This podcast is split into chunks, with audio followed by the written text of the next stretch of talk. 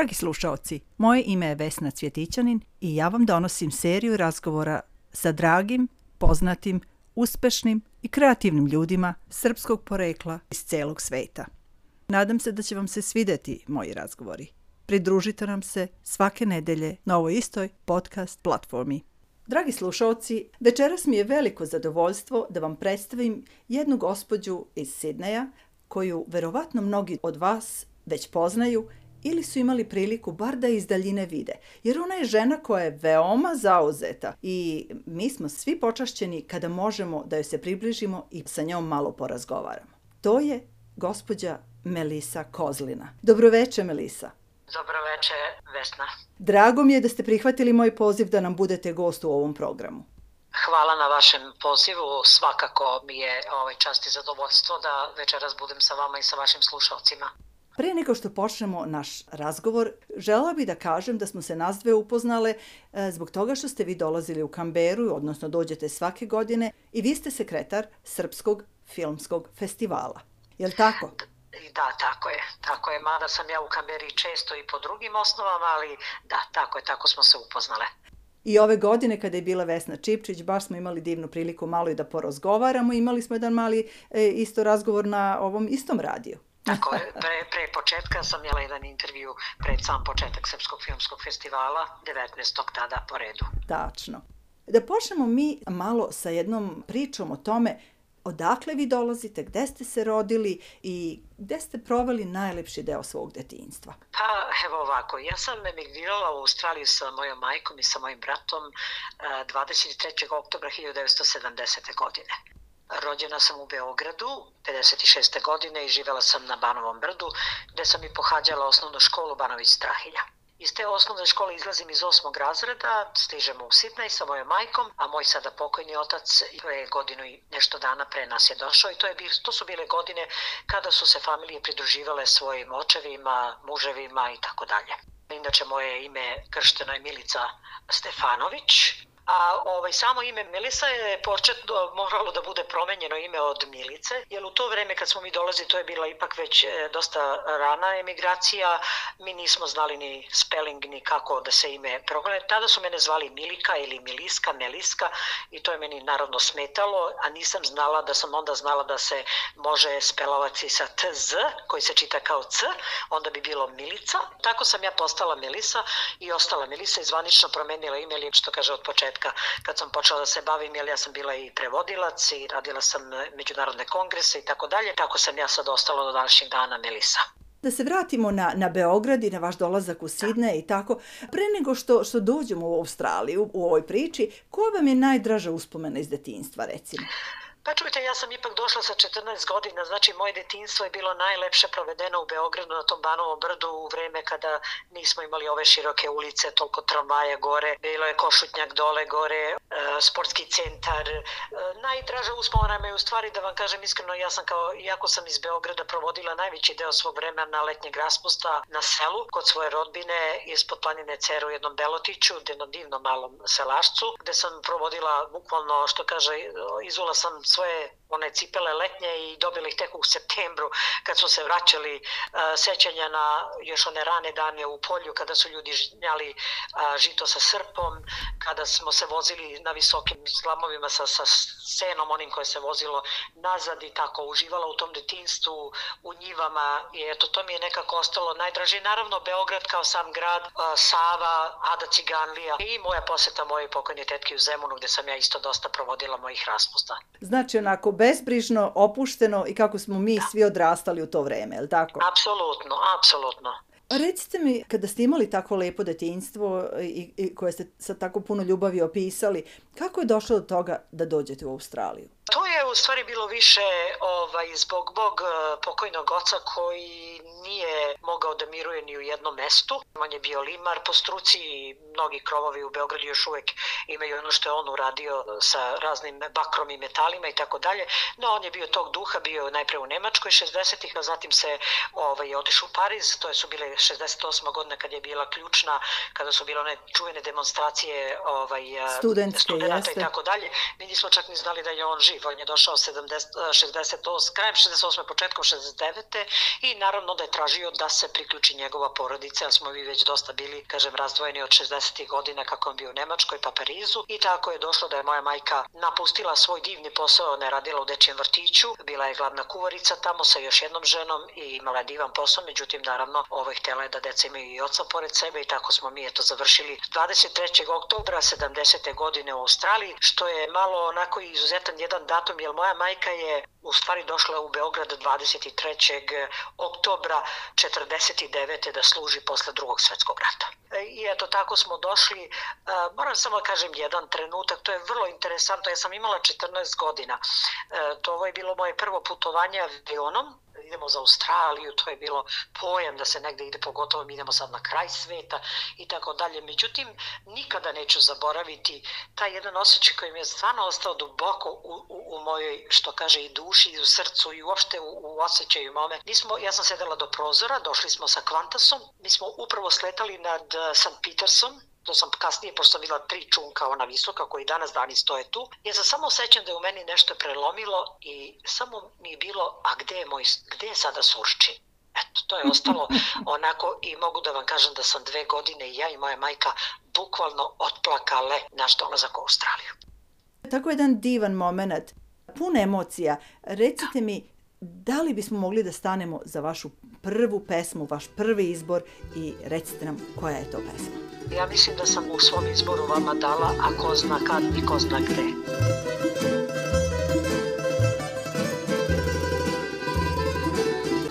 Pređemo na taj deo kada ste vi kao mlada devojka ili devojčica sa 14 godina stigli sa svojom majkom, dve godine otplakali, a, ishvatili da je ovde život ipak drugačiji, da niste u Beogradu, niste u Surčinu, da ne možete lako da odate do svoga sela na, na, ispod Cera. Recite, gde ste se prvo naselili i, ko, i koja su vam još neka druga sećanja iz, iz tog ranog perioda, koga ste upoznali, kako ste se družili s decom, da li ste znali jezik, Kako je to sve bilo?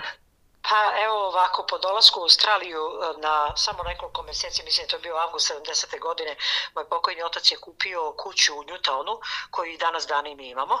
Znači mi se nikad, moja majka 50 godina, evo sad će biti Bože zdravlje 23. oktobra, 50 godina od našeg doseljeništva u Australiju. Naravno ja sad živim na drugom, ali rezidencija moje majke je tamo, mada je ona sad u staračkom domu. E, šta da vam kažem, Newton u to vreme niko nije hteo da živi, bilo je to kao jedna š kategorija, na, zadnja, gde bi čovjek hteo da živi, svi su nešto to kao zapad, ne znam, ove kuće od cigle i tako dalje.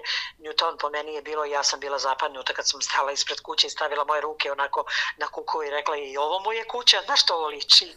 Pošto to sve bilo slepljeno, to je nikad u životu nisam videla. I onda se ja pitala, pa koja je sad naša kuća? Ili ovo i ovo i ovo, cela ulica je naša, pošto su sve one semidi tečka koji oni su. Da, da, da. Pa što vam kažem, eto prvi dana ja sam engleski znala um, recimo sve reči što se tiče table, chair, ovo, ono, ali kad je povezana konverzacija, naravno bilo je to teško.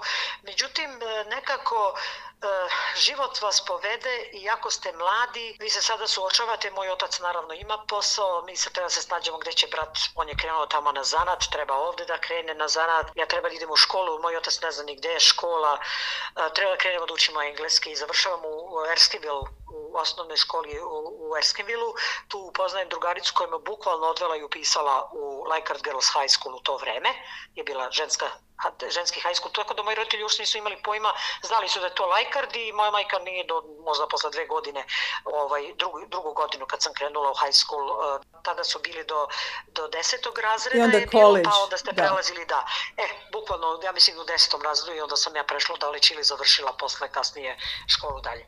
Tako da je to bilo jedno vreme u kojem smo mi morali u to vreme da odrastemo bukvalno preko noći. Ja sam se zaposlila u Colzu, sad je Dandy bioskop u Newtownu, tu je bio Coles, ja sam tu počela i ta ista drugarica koja me upisala, ona mi je odao, ajde ti dođi malo pa ćeš tu da radiš, ali se sećam svojih prvih zarađenih 20 dolara u fabrici sladoleda u Newtownu, je bila jedna koji su radili, u stvari to su bile ove ice pops, kako se ih zovu, da, sad da. icicles, i ovaj, ja sam otišla da radim, imala sam 14 godina, bila sam uvek visoka i krupna, tako da niko nije mogu da shvati koliko ja u stvari imam godina.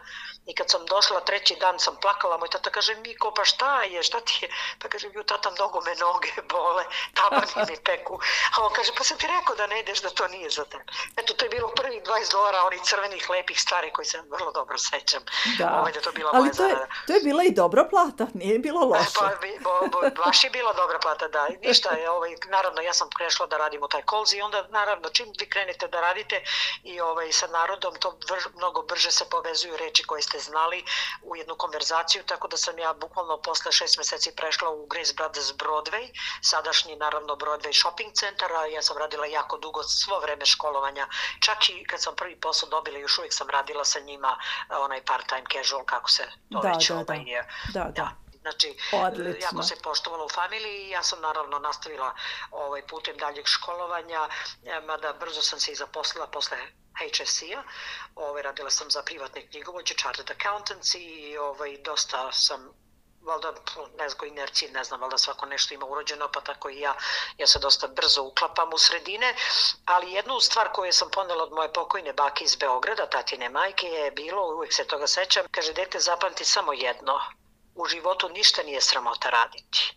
Ako ideš negde, nemoj da tuguješ za onim što si ostavio. Gledaj da se što pre uklopiš u sredini u kojoj si, jer ako to budeš radio, nećeš biti ni ovde ni tamo. Vi ste mi pomenuli u pripremi za naš razgovor da je bila jedna važna, jed- jedan važan događaj je bio koji je mnogo toga odredio u vašem životu. Recite nam o tome.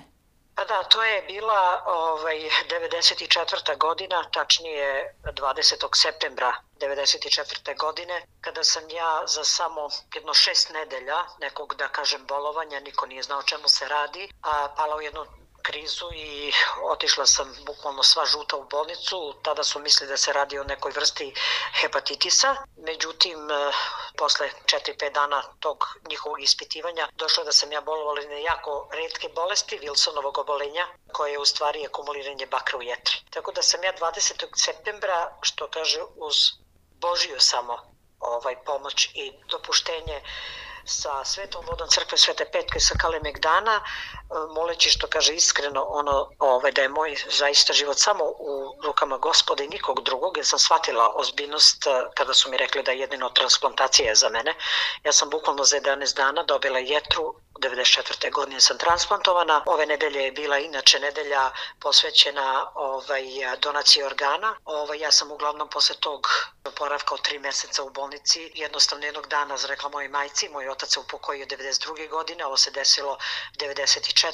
Da, I rekla mojoj majci, znaš što mama, ja danas idem do Lazarice naše dole u Aleksandri, idem malo da ne sedim tu, idem malo da se zahvalim i, i Bogu i svemu. I tako sam ja pošla i eto tu je počelo onda da se sve od tog događaja sa mnom odvija u nekom što kaže za mene predodređenom putu gospodnjem. Pa ovaj, što kaže, posle, posle tog uh, novog rađanja, kako ja to zovem za sebe, taj drugi, drugi ovaj, uh, dat život, uh, shvatila sam ozbiljnost, jer pazite, jako je teško, ja sam ipak bila, imala 38 godina kada se to desilo, vi tada shvatate da je neko trebao da umre da bi vi mogli da nastavite svoj život. Koliko je to bilo teško toj familiji, naravno, koja se opraštala od osobe. Za mene je naravno bilo odma, ja sam ovaj, i danas dani prva sveća koju ja palim je za pokojnike pokoj za dušu osobe koja čiju ja etru nosim, a u to vreme kad sam prvi put otišla 95. ja mislim odmah posle 8 meseci u Beograd, ja sam imala još nekih poslova,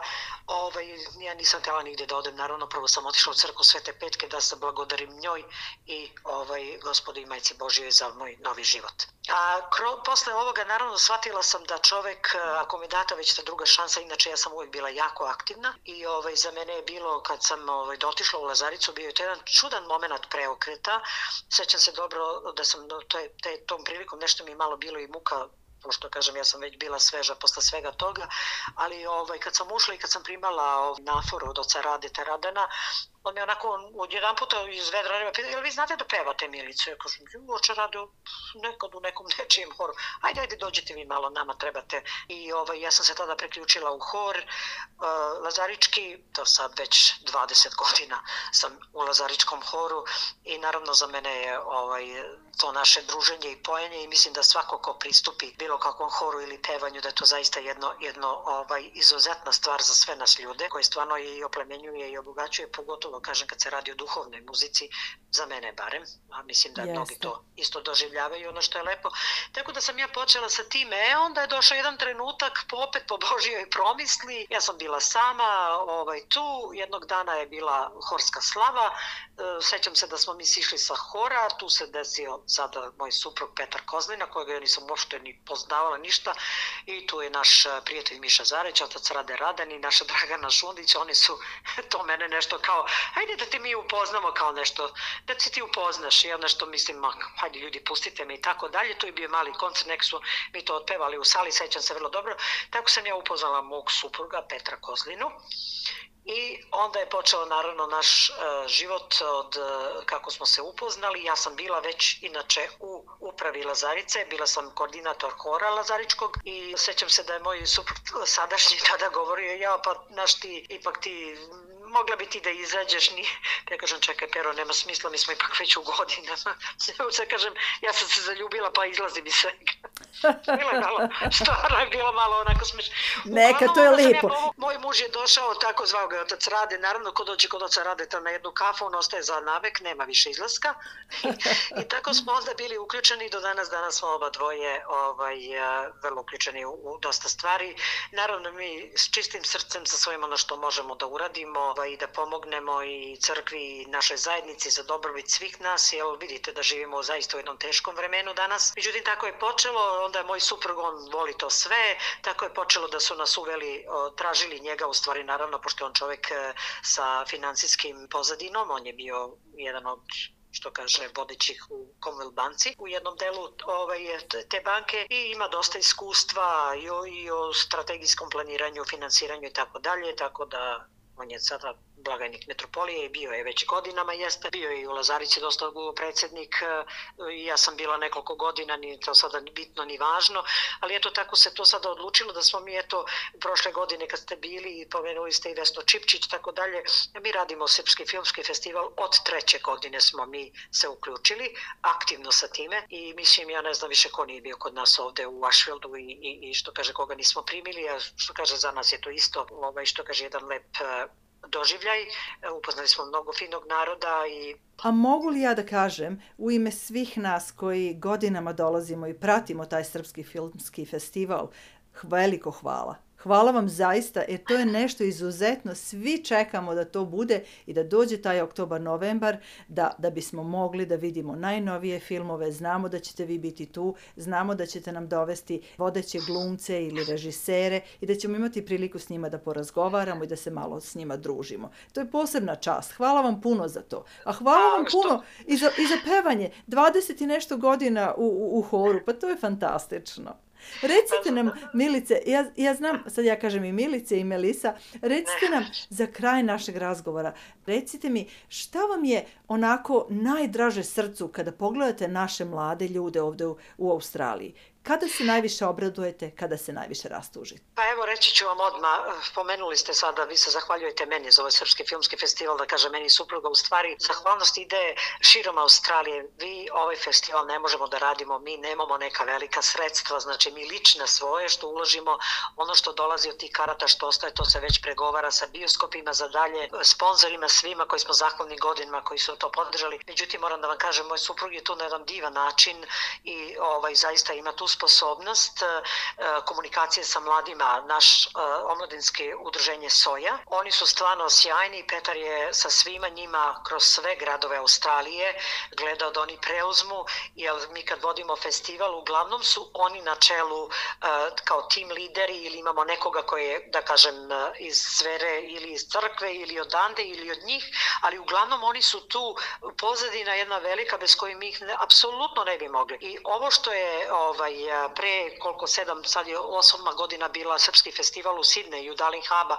Pazite, to je jedno veliko dostignuće za našu srpsku zajednicu i za našu pravoslavnu crkvu. Jer to je došlo kada je moj suprug tražio blagoslov prethodnog vladike Irineja kao jednu ideju i on je nikad nije imao nameru da bi on, on je započeo prvi put, naravno morao je, pošto je više imao tu komunikaciju sa ovim kompanijama kao što su Sydney Darling Haba Foreshore, međutim on je odmah to dao ruke omladini, bio je sa njima godinu dana da se oni uspostave da rade i mislim to radi omladina i tu se vidi da mi imamo veliki potencijal naše omladine, da je greota što smo puno omladine izgubili. Mislim da i kroz našu crkvu mnogo više bi trebali da radimo sa omladinom. Biću veoma iskrena, imamo puno dece i sve. Mi decu moramo vratiti, a mi smo decu nekako, deca nam dođu u crkve, budu do 15-16 godina, folklor je najvažniji, dobro, to je sve lepo, deca vole se druže i tako dalje, međutim mi moramo da ih zaustavimo tu, da bude tu. Tužno je što mi imamo dosta mladih sa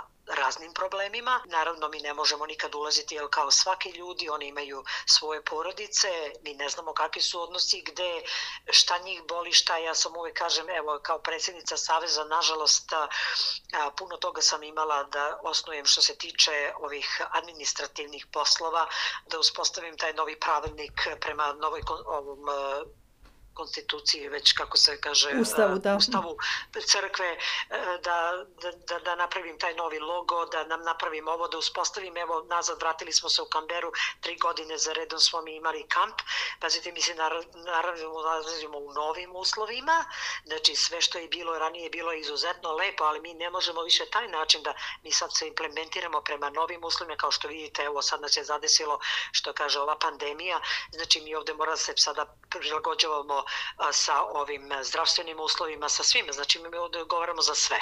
Međutim, mi dalje kroz ovu decu moramo nastojiti koliko god da dođe, jer tu oni dobiju, što detetu posadimo, što ranije u njega usadimo i prevedemo ga crkvi, ali ne da mu se nametne to kao jedna velika obaveza, ali da zna, jer što manje dete prilazi, ono se više prilagođa i ostaje.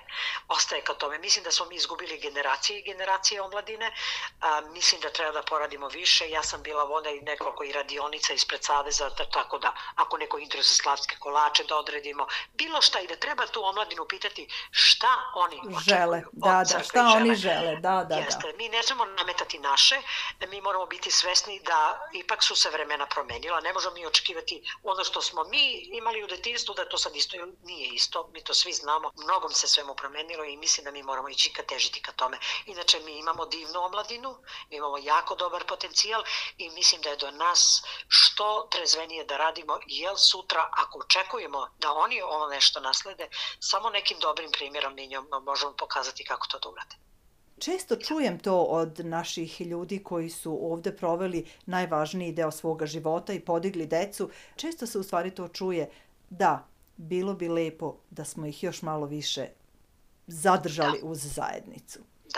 Nažalost, i mi imamo puno posla i ja se slažem, međutim mislim da je vreme da se zaista oformi neko, da kažem, trajno telo sa sveštenicima, sa preosvećenim, sa svima, da se vidi ko bi bio taj neki lider koji, pazite, mi svi imamo znači, razne talente, tako nas je Bog istvorio i dao nam je razne talente. Ja ne mogu recimo da zabudem neka učiteljica tamo, ako to nije u moj biti, jer vi morate da imate ljude koji mogu da prenesu to nešto dobro na tu decu dalje, da im pokažete primjerom. Znači, da uvek kažete da ne treba, ja uvek govorim omladini, nemojte vi da gledate ni na koga. Vi ste tu što želite da budete i gledajte ispred sebe. Ako mi budemo gledali na sve druge stvari, mi nikad nećemo ostvariti ništa i brzo ćemo odustati. Ali to nije poenta. I poenta nije ovo što sada da li ja ili bilo ko drugi. Poenta je da ovo neko može sutra da nastavi iza nas. Jer ako to samo traje dok smo mi tu, onda mi ništa uradili nismo. Hvala vam puno za večerašnji razgovor. Mislim da bismo trebali da se sastanemo ponovo ovako preko telefona i da čitavu jednu emisiju posvetimo našim mladima širom ovog velikog kontinenta. Hvala vam puno još jednom. Moje ime je Vesna Cvjetićanin. Sve vas pozdravljam. Čućemo se sledećeg utorka. Melisa, doviđenja još jednom. Doviđenja. Jasno sunce zaidi popračí se.